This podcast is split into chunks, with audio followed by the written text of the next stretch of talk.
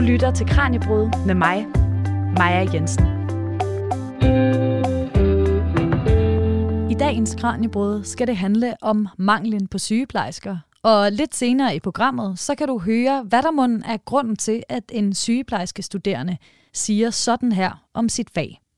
Alle har en plan B i baglommen, inklusiv mig. Citatet her, det er fra en sygeplejerske studerende, som Vibeke Røn Nord har talt med. Vibeke er lektor og forskningsleder for Program for Praksisstudier ved Forskningscenter for Uddannelseskvalitet, Professionspolicy og Praksis på VIA. Og gennem sin forskning, der har hun talt med og indsamlet tanker, oplevelser og holdninger fra en masse sygeplejerske studerende og nyuddannede sygeplejersker. Og jeg har inviteret hende i studiet i dag for at stille hende spørgsmålet – Hvorfor mangler vi så mange sygeplejersker? Kommer vi til at mangle endnu flere i fremtiden? Og hvordan kan vi løse det her problem, som jo kan have store konsekvenser for os alle? Både patienter, pårørende og selvfølgelig også sygeplejerskerne, lægerne og andet sundhedspersonale. Mit navn er Maja Jensen. Velkommen til Kranjebrud om manglen på sygeplejersker. Du lytter til Radio 4. Og så vil jeg også byde velkommen til dig i studiet, Vibeke. Tak skal du have, Maja. Du er uddannelsesforsker, og du fokuserer særligt på den her overgang fra studieliv til arbejdsliv for sygeplejerskerne. Og det er jo netop sygeplejerskerne, som, vi, som det skal handle om i dag. Og vi taler meget om, Vibeke, at vi mangler sygeplejersker. Og det er ikke kun i Danmark, men det er simpelthen globalt, at der er en mangel på sygeplejersker. Ja, det er det. Manglen på sygeplejersker, den er global, og det er også øh, ganske alarmerende. Og zoomer vi ind på Danmark, ja, så viser en rapport fra sidste år, at vi i 2030 kommer til at mangle ca. 8.000 sygeplejersker i Danmark. Holder vi fokus på her og nu situationen, ja, så mangler vi jo allerede de her sygeplejersker.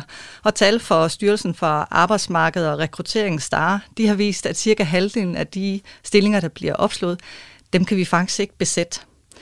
Øh, nogenlunde samtidig med, kan man sige, at vi kender de her tal for, hvordan fremskrivningerne ser ud, så fik øh, uddannelsen i år en kæmpe mavepuster, da vi fik optagelsestallene til sygeplejerskeuddannelsen. Og det er jo ikke kun en mavepuster til uddannelsen, det er også en mavepuster til fremtidens sundhedsvæsen. Samlet lignet med sidste år, så er der faktisk sket et fald i søgningen med uddannelsen på hele 28 procent, og vi står i en situation, hvor der er ledige studiepladser på stort set alle sygeplejerskeuddannelser i Danmark. Og det er et alvorligt problem. Hvis ikke vi kan lykkes med at fylde de her dimensionerede studiepladser, så vil det jo, som du selv nævner, få ret store konsekvenser for vores velfærdssamfund, men også for de patienter, der har brug for sygepleje og omsorg i fremtiden. Det, der fra mit perspektiv også er særligt alarmerende, det er jo, at den her tendens, den er desværre ikke ny. Vi har over en årrække faktisk set et fald i antallet af kvalificerede første prioritetsansøgninger til sygeplejerskeuddannelsen. Og derfor så kan vi ikke lade som om, at vi er super overrasket. Pil, den har peget i den her retning rigtig længe, og faldet har været pågående helt tilbage fra 2015, med undtagelse af det optag, der var i 2020. Og det var på grund af corona situationen, ikke? At der kom lige sådan et, et spike på de fleste uddannelser. Ja, det gjorde der. Det gjorde der. Øhm, så, så man kan sige, at det bekymrende, det er, at alt peger på, at manglen på sygeplejersker, den kunne forværres. Og vi ved fra forskning, at det har alvorlige konsekvenser for patienterne. Ja. Hvordan kan det være, at du siger, at der kommer til at mangle, var det 8.000 sygeplejersker, har man, har man fremskrevet. Hvordan kan det være, at vi kommer til at mangle så mange? Fordi jeg regner ikke med, at det betyder, at der er 8.000 færre sygeplejersker? Ja, man kan sige, at der er, der er mange ting i spil her. Dels så ændrer demografien. Vi ved, at der kommer flere ældre i vores samfund, og de har brug for sygepleje. Vi ved også, at der er en stor del af arbejdsstyrken, som inden for den nærmeste fremtid kommer til at forlade faget, altså af naturlige årsager, kan man sige, af pension og så videre. Øh, men ud over det, så kommer vi jo også til at mangle sygeplejerskerne, fordi vi ikke kan fylde de dimensionerede studiepladser. Øh, og så ved vi fra et forskningsprojekt, som vi øh, aktuelt er i gang med, vi kalder det Return-projektet, som handler om fastholdelse og rekruttering af studerende og nyuddannede sygeplejerske, at mere end hver fjerde af de nyuddannede sygeplejersker, de svarer, at de er i tvivl om, om de ser sig selv som sygeplejersker om fem år. Så vi står i en situation, hvor vi uddanner nogle sygeplejersker, men de er faktisk i tvivl om, om de kan se sig selv i faget på den lange bane. Og det, der er bekymrende her, det er, at vi kan se dels, så stiger antallet, altså når vi har spurgt de studerende, der er tæt på uddannelsens afslutning, så svarer cirka hver femte, at de er i tvivl. Så stiger den, når vi kigger på de nyuddannede med mellem 0 og 3 års erfaring. Og jeg bliver jo ofte spurgt, jamen handler det her ikke bare om, at når de kommer ud, får deres første job, ja, så får de det, som nogen kalder et praksischok, og så kommer de for alvor i tvivl. Men det vi kan se, det er faktisk, at den her tvivl, den er stigende, den er vedholdende, for det er sådan, at de nyuddannede, der har mellem to og tre års erfaring, der er det faktisk hele 36 procent, som tvivler på, om de er i faget på den lange bane.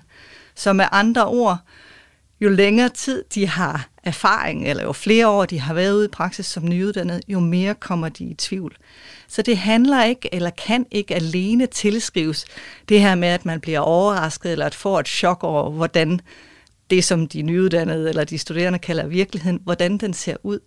Det handler jo om, at de aktivt tager stilling til, hvordan er det at være i og arbejde i det her sundhedsvæsen, og hvad er det for nogle muligheder, jeg har som nyuddannet sygeplejerske. Ja. Og det mener jo egentlig, ja, som du siger, den her idé til jorden om, at ja, men det er også bare fordi, så har man siddet på skolebænken, i, og man er blevet professionsbachelor, og så skal man ud i den virkelige verden, og man har kun været i praktik før, og så rammer det en ansvaret, presset, og så bukker man under. Men det viser faktisk, at jo mere erfaring man har, Ja, i hvert fald. I hvert fald på den øh, kort, altså ja. i de første, hvad sagde du, fem år på arbejdsmarkedet? Tre år på Tre arbejdsmarkedet. Der kan vi se, at det er stigende, øh, og det er en vedholdende tvivl, som sætter sig i dem. Ikke? At de bliver i tvivl om, om de kan være i faget. Ja. Så derfor har vi jo en helt enormt vigtig og stor opgave foran os, fordi vi skal uddanne nogle unge sygeplejersker, som jo både kan præstere i deres fag, altså levere sygepleje og omsorg til de patienter, der har brug for det. Men de skal jo også kunne trives i det. Øh, så, så det er i virkeligheden en enorm stor opgave, vi har foran os. Ja, og når vi taler om nye studerende, og du sagde lige før, at der jo faktisk næsten tomme pladser på stort set alle øh, sygeplejerskeuddannelserne i Danmark. De er jo startet i starten af den her uge og i slutningen af, af sidste uge. Og det er bare ikke, hvad man kunne have håbet på, når vi nu taler så meget om manglen på sygeplejersker. Og nu skal vi høre et kort indslag med Pia Drejer, der er professor i sygepleje ved Aarhus Universitet og forperson for Dansk Sygeplejeselskab. Og hun mener, at en af grundene, der er jo selvfølgelig mange, men en af grundene til, at det ikke har været muligt at optage nok studerende i for eksempel øh, på Silkeborgs sygeplejerskeuddannelse, at det kan være, at der simpelthen ikke er så mange unge studerende, der ser Silkeborg som den by, man godt vil bo i, mens man studerer. Altså det var, det var jo noget, som regeringen ligesom søsatte for nogle år siden før corona. Øh, at man vil ligesom prøve at gøre noget for, for yderområderne, øh, og for at få nogle af uddannelserne ud i yderområderne. Og den tanke, den er selvfølgelig god, men øh, man kan jo ikke sidde og diktere, hvad de unge mennesker de skal fra Christiansborg af. Der er en divergens der, som, som politikerne tænker jeg skal, skal prøve at, at se lidt på. Måske slog det lidt fejl, det de havde gang i der. At, at de unge mennesker, de vil altså være i studiebyerne, øh, og de vil have et studieliv sammen med de andre, der går på universitetet, og som går på nogle øh, andre af de professionsuddannelserne. Så man vil ikke være øh, et sted, hvor der ikke er et, et, et godt studiemiljø. Øhm, så, så, så det tænker jeg, at vi skal se på, og det er jo også i de større byer, at vi har brug for dem på hospitalerne for eksempel. Mm. Og det er også det, at vi har brug for dem i hjemmeplejen, for der er flere mennesker, der skal have hjemmepleje i de større byer, end der er ude på landet. Og det fortalte Pia Drejer, professor i sygepleje ved Aarhus Universitet og forperson for Dansk Sygeplejeselskab. Og Pia Drejer vender vi altså tilbage til et par gange i løbet af dagens program. Men uddannelsesplaceringen kan altså have en betydning for den samlede mængde af optagede sygeplejersker. Men der er også mange af de studerende, som allerede under uddannelsen er nervøse for deres fremtid som sygeplejersker, altså efter de er blevet optaget og kommet ind. Og det skal det handle om nu.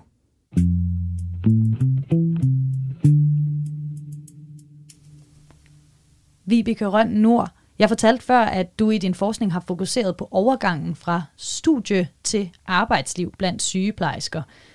Hvorfor har du valgt at, at, at fokusere på det? Hvorfor er det vigtigt at undersøge? Jamen, jeg har altid lige siden øh, jeg selv var sygeplejerske og i min tid som underviser gennem mange år på sygeplejerskeuddannelsen, været optaget af, hvordan vi skaber en sygeplejerskeuddannelse, som de unge kan se sig selv i. Og hvordan vi uddanner og danner dem til at stå stærkt som professionelle. Samtidig så har jeg også været nysgerrig på, hvordan de studerende og de nyuddannede, de selv oplever og beskriver uddannelsen og deres professionelle virke. Og deres stemme, den er vigtig. De er fortællingen om, hvordan en sygeplejerske bliver til, hvordan man forandrer sig, hvordan man formes undervejs i uddannelsen og ikke mindst i mødet med patienterne. Men når vi diskuterer god uddannelse, så kan det meget let komme til at handle om aftagerbehov og kompetenceprofiler og de rette match mellem dem. Og selvfølgelig er det vigtigt, at vi skaber uddannelser, der kan uddanne til de behov, der til enhver tid eksisterer. Men det er tilsvarende vigtigt, at vi skaber uddannelser, som de studerende finder det meningsfuldt at søge og meningsfuldt at gennemføre. Og netop derfor så er deres fortællinger vigtige, for både de studerende og de nyuddannede, de kan bidrage med vigtig viden om, hvordan vi udvikler uddannelsen, men også hvordan vi udvikler faget eller professionen. Ja. Vibeke, hvad er det for nogle overvejelser, de studerende, du har talt med, har haft i forhold til at vælge denne her uddannelse? Fordi nu, nu hørte vi jo det her citat, jeg læste op i starten med, alle har en plan B. Altså har de allerede tvivl øh, i, for, i forbindelse med at vælge uddannelsen, eller er det kommet under uddannelsen? Altså på tværs af flere af mine forskningsprojekter, så er det tydeligt, at de unge, de faktisk gerne vil uddannelsen. De vil gerne være sygeplejersker. Det er et dybfølt ønske for rigtig mange af dem. De har søgt uddannelsen af forskellige grunde. Men en ting går igen, nemlig at de er optaget af, som de selv udtrykker det, at kunne gøre en forskel for et andet menneske. Og uanset om de vil være sygeplejersker, så er det dog også et gennemgående tema, at flere af dem de beskriver tvivlen som den her faste følgesvend. Og til en start, altså som du peger på ved uddannelsesstarten, så handler det primært om, om uddannelsesvalget er det rette. Altså, er det nu sygeplejerske, jeg vil være? Men når jeg følger dem i længerevarende projekter gennem en uddannelse, gennem hele uddannelsen, så kommer det senere til at handle om, hvorvidt de kan stå distancen, om hvorvidt de i deres egen optik har det, der skal til for at være sygeplejersker. Ja, så det starter som en, jeg ved ikke, jeg kan jo også øh, kun tale for mig selv, men jeg kunne i hvert fald genkende en overvejelse, lige da man er startet på studiet. Da jeg startede på bacheloren i medievidenskab for, for nogle år siden efterhånden, er det her det rigtige studie for mig? Er jeg meget dårligere end de andre? Er jeg på et niveau som de andre? Og hvad skal jeg dog bruge det her til? Men undervejs så bliver den altså mere rettet på, om man kan holde til den fremtid, man har valgt for sig selv i kraft af sin, sin studie og sin karriere, der kommer efter.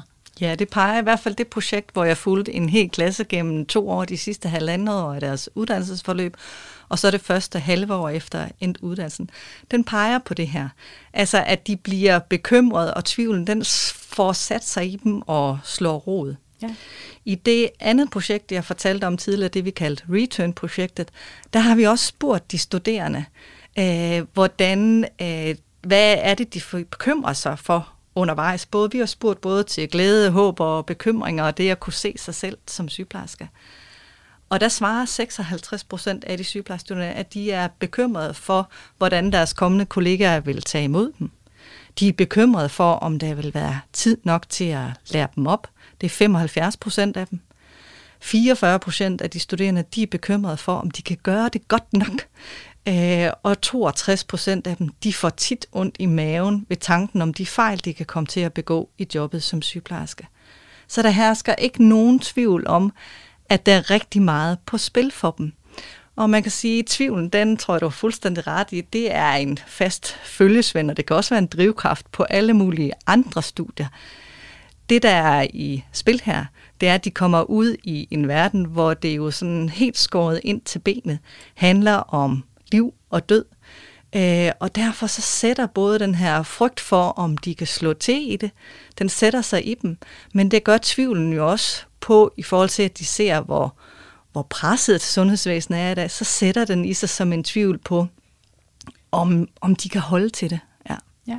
Det her med at have en, en plan B, hvis man ikke kan holde til det, hvis, hvis, hvis man har ret i sin, sin frygt og sin bekymring om, at man ikke kan holde til det, er det en, en udbredt tanke blandt de studerende, at ah, men det er faktisk godt at have en idé om, hvad man gerne vil, hvis man ikke længere skal være sygeplejerske? Ja, jeg har ikke et tal for, hvor mange af dem, der, der tænker det, men når de giver det ord, så er det jo blandt andet, som du refererede til den her studerende, der siger, at alle har en plan B, inklusiv mig selv. Så det der med allerede undervejs i studiet at forestille sig, at det her, det kommer altså ikke til at vare hele min karriere. Og hvis vi nu øh, tager det positive briller på, så kan man sige, at det er jo også okay langt hen ad vejen, fordi vi står foran et langt øh, arbejdsliv, og vi kan ikke stavnspinde sygeplejersker, nyuddannede sygeplejersker til, at de for altid skal være tæt på patienterne og ude på en, for eksempel en medicinsk afdeling. Men når det er sagt, så er det jo ganske bekymrende, at de her overvejelser, den her tvivl allerede står så markant igennem undervejs i studiet, og også i de første år som nyuddannede sygeplejerske. Og at den her tvivl allerede kommer i studietiden, det giver os jo også nogle forventninger til, hvad det så er, der kan ramme dem, når de kommer ud, i, ud på arbejdsmarkedet. Jo også i kraft af alle de ting, vi ved om et sundhedsvæsen, der er presset på rigtig mange måder, og det skal det handle om nu. Du lytter til Radio 4 og det er Kranjebrud, vi er i gang med nu. Mit navn er Maja Jensen, og i dag har jeg besøg af Vibeke Røn Nord, der er lektor og forskningsleder for program for praksisstudier ved Forskningscenter for Uddannelseskvalitet, kvalitet, professionspolicy og praksis på VIA. Og Vibeke, tidligere fortalte du om, hvad tankerne, de forventningerne og tvivlen er, mens sygeplejerskerne stadig er studerende. Hvad er det så, der sker, når de træder ud på arbejdsmarkedet og skal arbejde som sygeplejersker? Hvad fortæller de om den overgang? Jamen, der er ingen tvivl om, at den her overgang og det at komme ind i jobbet, øh, det er en ganske svær overgang. Det er både personligt meget fordringsfuldt for dem, Undervejs i øh, uddannelsesforløbet, der kan man se på det forløb med mange hvilepiller og kardinalpunkter. Og det står fuldstændig klart, at det her møde med det professionelle ansvar og det at skulle tage ansvaret på sig, det er en absolut øh, stor milepæl for dem. Øh, og det her med at være klar til at tage patientansvaret på sig. De kan jo ikke længere sige, jamen jeg er blot studerende. Nu er det dem, der rent faktisk har ansvaret. Og det er åbenlyst krævende for en nyuddannet at skulle agere og være i situationer, hvor et andet menneskes smerte og lidelse kræver både indsigtsfuld omsorg, men samtidig så fremprovokerer det også de nyuddannedes egen sårbarhed og deres frygt for at begå fejl, som jo ultimativt kan have fatale konsekvenser. En af de nyuddannede, jeg kalder hende for Mille, hun fortæller for eksempel om, hvordan hun som ganske nyuddannet får ansvar for at modtage en ung kvinde i afdelingen. Kvinden hun er nybagt mor, og hun kommer med sit syv måneder gamle spædbarn i armene. Og så er hun nydiagnostiseret med en alvorlig og livstruende kræftsygdom. Og jeg tror, at de fleste, der lytter til det her, de kan forestille sig, at det at stå der, det er ægte svært og det forsker, fordrer rigtig meget af den nyuddannede sygeplejerske. Og i min forskning, så er der rigtig mange af de her konkrete fortællinger eller om situationer, hvor de, som de udtrykker det, overvældes af de her skæbner, de møder hver dag i deres arbejde. Så det her med at skulle være professionel i det møde, tage ansvaret på sig, og så samtidig meget ofte stå alene med det på en stue 4 i en dagvagt, hvor der ikke er mødt særlig mange ind, eller i en aftenvagt, det tærer jo rigtig meget på de nyuddannede. Ja. Nu siger du det her med, at det kan være, at de står alene, fordi der måske ikke er, er helt nok personale. Det kan være, at de har opslået nogle stillinger, der ikke er blevet besat. for eksempel, som vi jo har hørt, at det cirka hver anden øh, sygeplejerske stilling, der ikke bliver besat. Men jeg har øh, fundet en graf, Vibeke, som jeg synes er ret øh, vild. Altså, den er sådan lidt uhyggelig at se på, faktisk.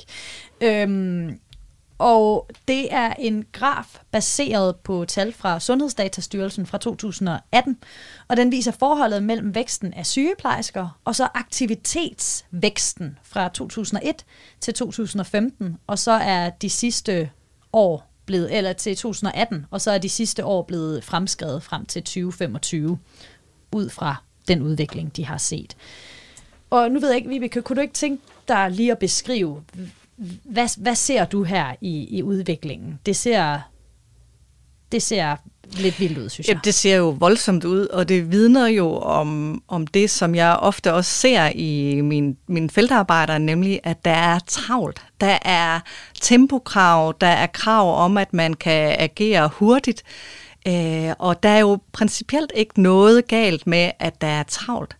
Men det, der er på spil her, er, at der er jo tale om en gøremålstravlhed, altså hvor sygeplejerskerne tvinges ud i at haste fra den ene opgave til den anden opgave. Og det, der for de nyuddannede, når de beskriver den her gøremålstravlhed, så kommer den jo til at handle om, at de faktisk godt kan se, for eksempel, hvad det er, den unge kvinde, hun modtog i afdelingen, har brug for men de har ikke tiden til at gå ind på den stue. Så det her stigende krav om tempo, om effektivitet, det presser jo ind i de opgaver og det ansvar, som sygeplejerskerne står med. Ja. Og hvis jeg lige skal prøve at beskrive for lytteren den her graf, så er det en, der viser ja, væksten af sygeplejersker, og den går ikke særlig meget opad. Øh, den, den, den, det ligner, den, den stiger sådan lidt fra, fra 2020 og frem efter. Øh, og så har vi aktivitetsvæksten, som bare kører opad, og mellemrummet mellem, hvad skal man sige, forskellen på antal sygeplejersker og hvor meget aktivitet der er, bliver ligesom, det bliver bare større og større og større. Og jeg synes bare, at den underbygger ret fint det, hvad skal man sige, hvor meget mere alarm det lyder som om, der er i sundhedsvæsenet. Og vi hører jo også de her historier, og vi skal også tale lidt om det senere, at folk ude på sygehusene begynder at råbe op og sige, jamen, vi laver nogle forfærdelige øh, fejl, når, når, når vi har så travlt, som mm. den her graf jo også viser. Men ja, Ja, og det giver jo også nogle øh, opstartsvanskeligheder. Altså det, at der er så enormt stort pres øh, på tempoet, kan man sige, at de opgaver, der skal løses, det kan vi se i øh, Return-projektet, at det har faktisk også stor betydning for de introduktionsforløb, som de nyuddannede de tilbyder, eller tilbydes. Øh, og øh, jeg kan godt afsløre, at spændvidden den er helt enorm. Fra her er nøglen til omklædningsrummet i kælderen, til sådan deciderede længerevarende introduktionsprogrammer. Men der er faktisk 20 procent af de nyuddannede, som så at sige bliver kastet lige ind i det, øh, og hvor det forventes, øh, at de kan klare de opgaver, som, som ligger på pladen foran dem. Øh, så det, den der travlhed, tempoet, effektiviseringen af sundhedsvæsenet, det har betydning for de nyuddannede, og for den måde, de ligesom kommer ind i deres første job på. Ja. Der er for mig at se to ting, vi har talt rigtig meget om, når det er kommet til sygeplejersker. Der er arbejdsvilkårene, stress, pres, øh, for få sengepladser, for få øh, sygeplejersker. Så øh, øh rammerne. Og så er der lønnen på den anden side. Det er i hvert fald noget, der har fyldt meget medierne, og særligt sidste sommer, da sygeplejerskerne strækkede, der var det noget, der blev talt meget om. Og øh, nu skal vi igen høre øh, kort fra Pia Drejer, der jo er professor i sygeplejersk, sygepleje ved Aarhus Universitet og forperson for Dansk Sygeplejeselskab.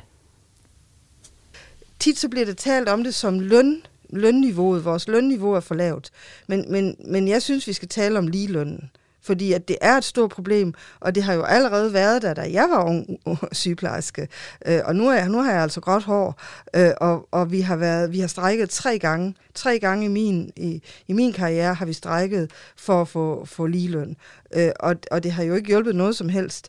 Øh, og der har været en, der har været flere kommissioner, der har kigget på det her. Og, og senest så er der jo også en kommission nu, der kigger på det. Og jeg tænker, det, det synes jeg, politikerne skal tage alvorligt fortalte Pia Drejer. Vibeke, det her med løn, det har været et issue i mange år. Pia, hun siger det selv. Hun var ung i starten, og nu har hun gråt hår. Men hvor stor betydning har det her med løn for de nyuddannede, du har talt med? Jamen, jeg vil først starte med at sige, at jeg er jo helt enig med Pia Drejer i, at vi har et problem, når vi taler ligeløn. Sygeplejerskerne de er sammen med andre såkaldte kvindedominerede fag jo fastspændt i en eller anden historisk aftale fra 1969. Og det er vildt problematisk, fordi at aftalen gør, at sygeplejersker i dag ikke får en løn, som står nå mål med deres uddannelsesniveau og det store ansvar, som de hver dag løfter i deres arbejde. Men i vores forskning så er, som du også nævnte før, den alt overskyggende grund til, at mange tvivler på deres fremtidige fag, det er de pressede arbejdsvilkår. Lønnen, den nævnes også, men det er ikke det første, og det er ikke det alt overskyggende. Øh, og man kan sige, at i mit perspektiv, så er det jo på ingen måde overraskende, fordi de allerfleste sygeplejersker, som jeg møder, de har ikke valgt faget øh, på grund af lønnen. De har valgt faget netop fordi de vil ud og gøre en forskel for andre mennesker. De vil gerne hjælpe. Men når det er sagt, så er ligeløn eller løn jo en del af ligningen. Og derfor, når lønnen ikke er høj, og arbejdspresset samtidig er enormt stort, så føler mange sygeplejersker, at de ikke kan udføre jobbet ordentligt. Så presser vi citronen meget mere end godt af, og vi ender jo med, at øh, sygeplejerskerne vælger uddannelsen fra, de vælger faget fra, og de løber simpelthen væk i et hurtigere tempo, end vi kan nå at uddanne nye. Og det forværrer jo bare hele situationen, altså der, hvor vi startede, at vi allerede i dag ser en stor mangel på sygeplejersker. Det handler jo også om anerkendelse. Det handler om anerkendelse for den faglighed, stærke faglighed, som sygeplejersker har, og det arbejde, som de hver dag udfører. Derfor kan vi ikke tage den ud af ligningen ligelønnen. Men, øh, men når vi kigger på de nyuddannede, så er det altså først og fremmest øh, de pressede arbejdsvilkår. Og det kan vi se allerede undervejs i uddannelsen, for her taler 40 procent om, at de har overvejet at droppe ud af uddannelsen. Og når vi spørger til årsager til, hvorfor de har overvejet om at droppe ud af uddannelsen, ja, så peger de først og fremmest på de pressede arbejdsvilkår og det pressede system, der er. Ja.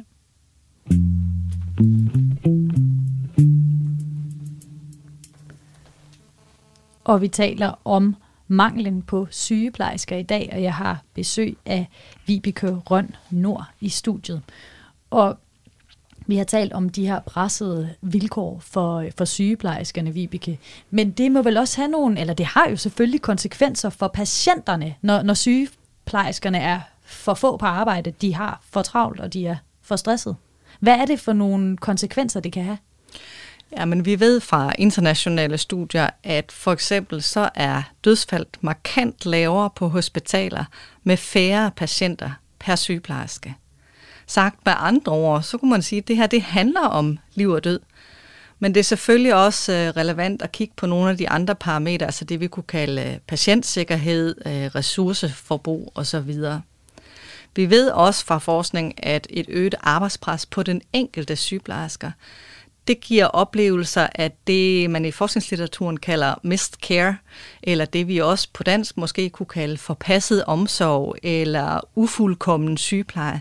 Og det påvirker sygeplejersker i en grad, så de forlader faget. Så på en måde, så kan vi sige, at der er tale om en meget ond cirkel her. Og lige nu, der står vi over for en opgave, som handler om, at vi gør os umage for at finde ud af, hvordan vi bryder den her cirkel. Ja. Og øh, Pia Drejer, da jeg talte med hende, hun fortalte også, at det for patienterne betyder utrolig meget, hvilken oplevelse de har med særligt sygeplejersken, når de er på, på sygehuset? Altså de fleste patienter, de roser jo sygeplejerskerne. Mm. Altså, de synes, at sygeplejerskerne gør en forskel. Sygeplejerskerne, de var søde. Det var sygeplejerskerne, der hjalp mig. Det var sygeplejersken, øh, der stod der og sagde, jo, du kan godt trække vejret nu, når de skal ud af respiratoren for eksempel. Jeg står her, jeg holder dig i hånden, jeg skal nok hjælpe dig til at, at, at, øh, at komme over det her. Det fortæller patienterne. Men vi har jo også patienter nu, som er vrede over, at de for eksempel bliver aflyst. Eller at de, skal, de er indkaldte til en eller anden undersøgelse og en behandling måske, øh, og så havde de da ikke i deres vildeste fantasi forestillet sig, at det var om to år. Så de har kigget forkert på indkaldelsen, og så møder de op et år for tidligt. Øh, og så, så bliver man jo vred. Altså, så tænker man jo, jamen, jeg har da også betalt skat hele, hele mit liv, øh, øh, og nu har jeg brug for hjælp, øh, og så kan jeg ikke få nogen hjælp. Og, og der er vi jo så tilbage til, til rammerne og vilkårene igen, som, som vi bliver nødt til at gøre noget ved. Jamen, hvis politikeren har lovet øh, borgerne i det her land, at man faktisk kan blive behandlet, jamen så skal vi jo finde en måde, vi kan, vi kan behandle folk på, og ikke aflyse dem, øh, og, og ikke rykke deres behandling hele tiden.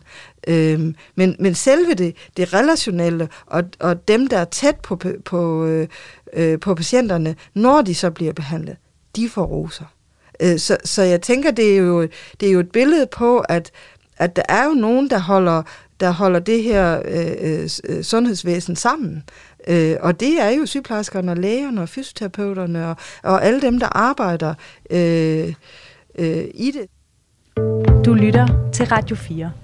Og det var altså Pia Drejer, vi hørte her i indslaget, der er professor i sygepleje ved Aarhus Universitet og forperson for Dansk Sygeplejeselskab. Og jeg står her i studiet med Vibeke Røn Nord, der fortæller hvorfor vi mangler sygeplejersker, og hvad det er, der møder de nyuddannede sygeplejersker, når de træder ud på arbejdsmarkedet.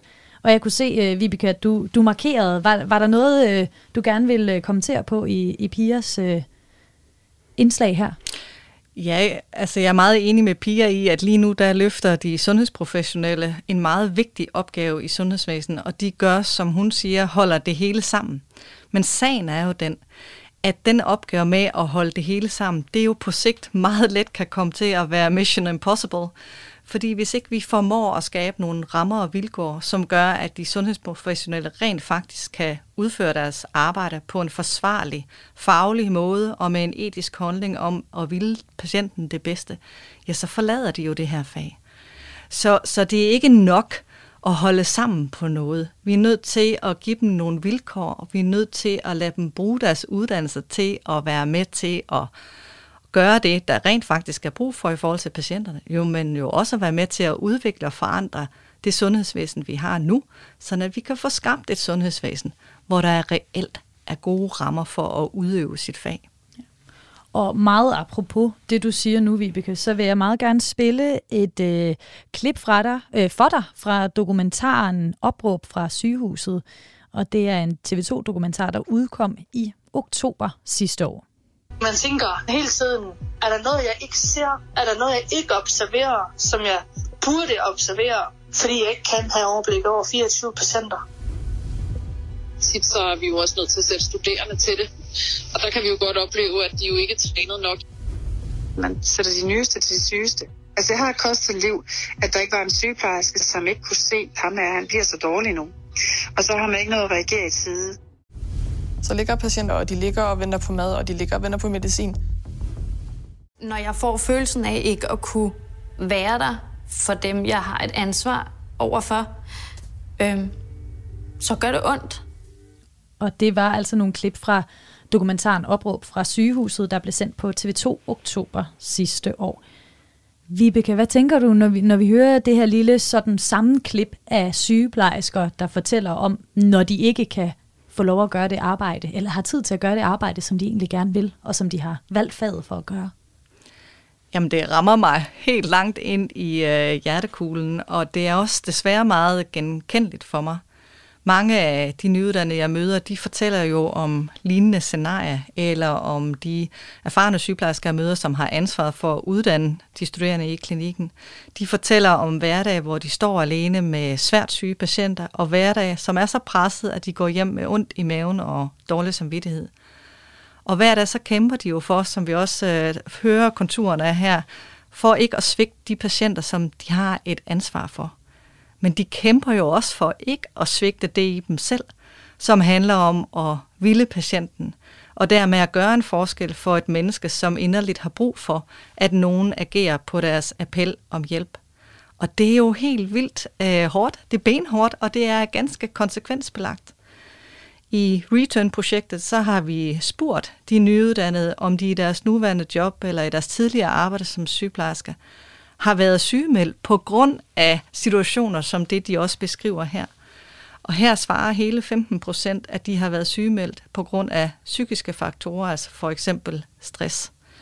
Øhm, så det er voldsomt, det vi står overfor med, og jeg synes også, at vi kan høre det i stemmerne på de her sygeplejersker, som fremtræder i dokumentaren. Og altså, du har jo givet nogle eksempler på, hvad de nyuddannede oplevede i starten af deres job. Det her med at stå alene med en, en ung mor, der har fået kraft alene på en stue. Og, øh, og jeg kan også huske, at du har øh, i din forskning har skrevet en, der eller, eller der er en, der har skrevet, at hun har lige haft sin første tudetur på arbejde. Altså, er det, er det noget, du kan genkende, altså også i de svar, du har fået ind, at, at der skal være nærmest den første tudetur, eller første gang, hvor det krakelerer, fordi nu er det for meget? Ja, man kan sige, det projekt, hvor jeg fulgte dem over en toårig periode, der var grådet faktisk øh, et meget karakteristisk træk ved deres fortællinger om det at komme ud og være nyuddannet. De kom jo ud til nogle hverdage, som var presset, og de føler sig trængt op i en krog, og de græder nogle gange midt på afdelingen, som er den historie, du refererer til, i omklædningsrummet, i toget på vej hjem, eller om aftenen, når de skal sove. Øhm, og det, det er som sagt desværre et karakteristisk træk ved deres fortællinger om det at være nyuddannet. Men ud over det, så er der også et træk, som handler om, at de først og fremmest vender spørgsmålet ind mod dem selv. Altså i stedet for at tale om, at det her er nogle strukturelle betingelser, som gør, at vi rent faktisk ikke kan udøve det, som vi er sat i verden for, så vender de sig ind imod sig selv. Er jeg dygtig nok? Er det min skyld? overså jeg noget, øh, og det kunne vi også høre i fortællingerne før. Og det presser dem altså i sådan en grad, at de jo bliver, ja, dels begynder at græde, øh, men jo også, så de virkelig øh, har svært ved at finde fodfæste igen. Og hvis vi kigger på, på antallet af nyuddannede, som bliver sygemeldt, så har der både før, jo, under og efter coronakrisen været gentagende historier i medierne om, at hver syvende eller hver tolvte, altså det svinger lidt, øh, men at de nyuddannede, de bliver stresssygemeldt. Og det er selvfølgelig ganske bekymrende, for det er jo et billede på, at de står i nogle meget vanskelige situationer i deres arbejdsliv, og det skal vi have gjort noget ved. Men det lyder også som om, at det er svært at skille fra hinanden, hvad der er de her skæbner. Hmm. Den syge mor med det lille barn, og hvad der er arbejdsrammer, fordi de her skæbner, de vil vel altid være på, på sygehuset. Dem vil man vel møde som en del af, af sit job. Ja, det kan du godt sige. Det er jo en indlejret del af at være i en profession som sygeplejer, fordi det handler jobbet om. Øh, Så det men, handler mere om, hvordan man møder dem, om man har en, en, der har mere erfaring med ved siden, eller om man har nogen at tale med det om bagefter, eller hvordan kunne man gøre sådan en situation bedre for, for sådan en nyuddannet sygeplejerske? På et tidspunkt, der havde jeg en øh, studerende, som var helt tæt på uddannelsesafslutningen, og der arbejdede vi med tvivl og den her angst for at begå fejl. Og hun sagde til mig, og det, her, det satte sig virkelig i mig, endelig var der nogen, der spurgte, hvordan jeg havde det. Øh, og sagen er jo den, at når vi uddanner sygeplejersker, så uddanner vi jo ikke robotter, der skal ud og løse enkle eller komplicerede opgaver, men vi uddanner mennesker, som skal ud og tage sig af andre mennesker i nogle af livets både mest glædelige med og fantastiske, men jo også livets mest smertefulde situationer. Så det kalder på, at vi både undervejs i uddannelsen, men også når de kommer ud på arbejdsmødet, er nødt til at have mod til at ture tale med dem om alt det, der er svært. Og når jeg ser tilbage, og det er jo så min erfaring som underviser, jamen så har vi over de sidste årtier fyldt rigtig meget pensum ind i uddannelsen. Vi kunne sige, at vi næsten havde overload på pensum, og det handler rigtig meget om viden, øh, men i virkeligheden så har vi måske samtidig lidt fortrængt at tale med dem om, altså hvordan er man som menneske og som professionel i det her, og hvad betyder det egentlig at tage det professionelle ansvar på sig, og hvad gør man, når det nogle gange er rigtig svært og tungt at bære det her ansvar. Så en af løsningerne er at vi skal tale med dem om det her.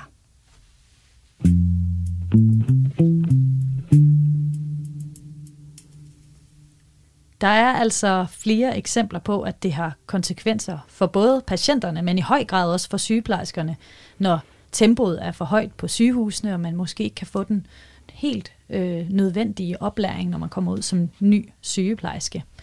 Men hvad er det, vi kan gøre ved det her store problem? Er det flere sygeplejersker, der skal til?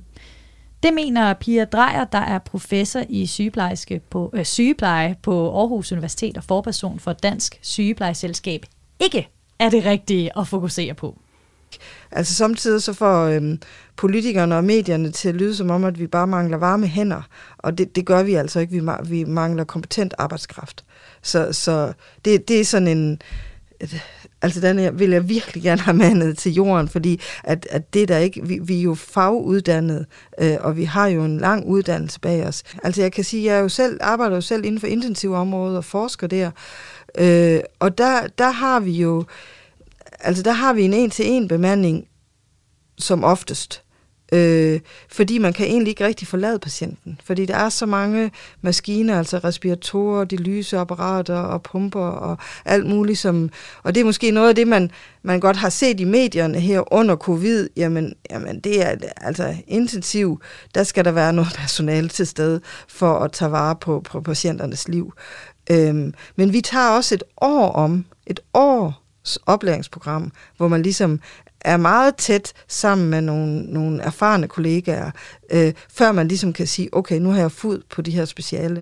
En intensiv sygeplejerske, hun har en toårig øh, øh tillægsuddannelse øh, oven på hendes bacheloruddannelse som sygeplejerske. Så, så, øh, så hun er jo oppe og har, har været i uddannelsesforløb i, i fem år. Øh, inden hun er intensiv sygeplejerske. Så det er jo virkelig en, en dyr uddannelse, og så skal vi også gerne have nogle arbejdsforhold, som, som, øh, som gør, at medarbejderne bliver ved os. Jeg vil gerne vende lidt tilbage til omtalen af omsorgsfagene, og det bliver jo også kaldt velfærdsfag, men det ja. synes du helst ikke, at vi skal kalde det. Hvorfor det? Det lugter sådan lidt af er en rettighed, man har. Altså, vi har noget velfærd i Danmark, og det har vi alle sammen ret til. Øh, øh, og, og det er ligesom det er ligesom det samfund, vi har bygget op, hvor, hvor alle har, har ret til fri skolegang og, og så videre. Og, og det tænker jeg, ja, ja, det har vi også, og vi har også ret til behandling og alt muligt. Men der, der er mennesker på begge sider af den her relation. Der er patienten, og så, så er der den medarbejder, som i en eller anden grad, det kan være folkeskolelæreren, det kan være sygeplejersken, det kan være lægen, som, som, øh, som, som skal sørge for, at det her, at der bliver draget omsorg for det her menneske. Så det er ikke bare en ydelse, vi skal, vi skal levere. Vi, vi, skal, vi skal også øh, levere ydelsen med omsorg. Og der er det jo så nogen, der tænker, at vi kan jo alle sammen yde om, omsorg. Altså, det, det, kan, det kan du, og det kan jeg. Øhm, øh, og, og vi drager alle sammen omsorg for vores gamle i familien, eller, eller, eller for vores, øh, for vores øh, børn.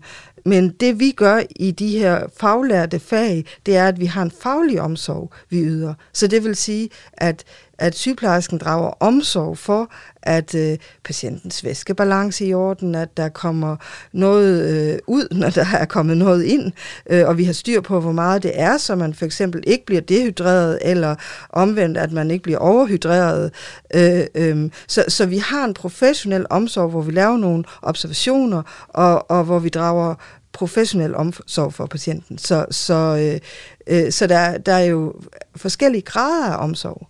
Øhm, men jeg tænker sådan generelt i samfundet, så synes jeg godt, vi må øh, hvad skal man sige, om, drage mere omsorg for hinanden, og, og i talsæt det begreb, øh, fordi det er en stor del af, af vores øh, øh af hele vores demokratiske system. Øh, øh, man kalder det også samtidig den, den skandinaviske model, altså at, at vi har en anden måde øh, at passe på hinanden i Skandinavien, end man har i, i, i andre dele af verden. Og det fortalte Pia Drejer.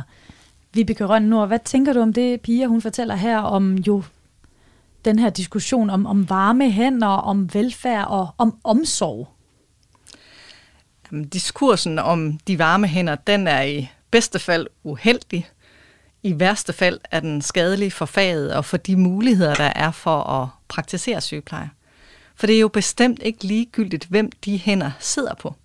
Der er brug for veluddannede og faglige, stærke sygeplejersker, som kan udøve det, der er kernen i sygeplejen, nemlig omsorg for syge mennesker.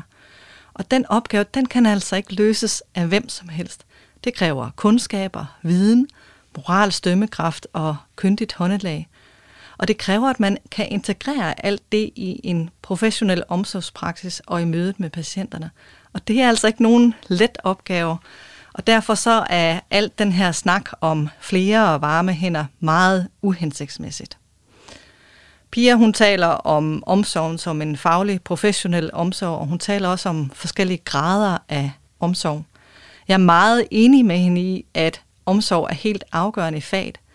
Det er ikke bare sådan en ekstra bonus, man får, hvis man møder en sød og venlig sygeplejerske. Det er vores faglighed, og det er sygeplejen. Derfor så er der jo også grund til at råbe op, som piger også gør her, når, kurser, når diskurserne de kommer sådan øh, på afveje. Da vi øh, sidst ændrede i sygeplejerskeuddannelsen i 2016, så var der stemmer, der talte for at skrive omsorg ud af studieordningerne, fordi omsorgsteorierne eller begrebet var umoderne og ude af trit med sundhedsvæsenets behov. Andre tilsvarende stemmer hører vi jo i dag, både i det ene slag, vi lige har lyttet til med Pia, det her med, jamen, hvad skal vi kalde det? Skal vi kalde det omsorgsuddannelser, velfærdsuddannelser, sundhedsuddannelser osv.? Og for mig så gør det ikke nogen forskel, om vi kategoriserer nogle af uddannelserne eller professionerne som henholdsvis velfærdsuddannelser eller velfærdsprofessioner. Men at de kan karakteriseres som sådan, det gør jo ikke, at det ikke samtidig er en uddannelse og en profession, hvis kernefaglighed er omsorg.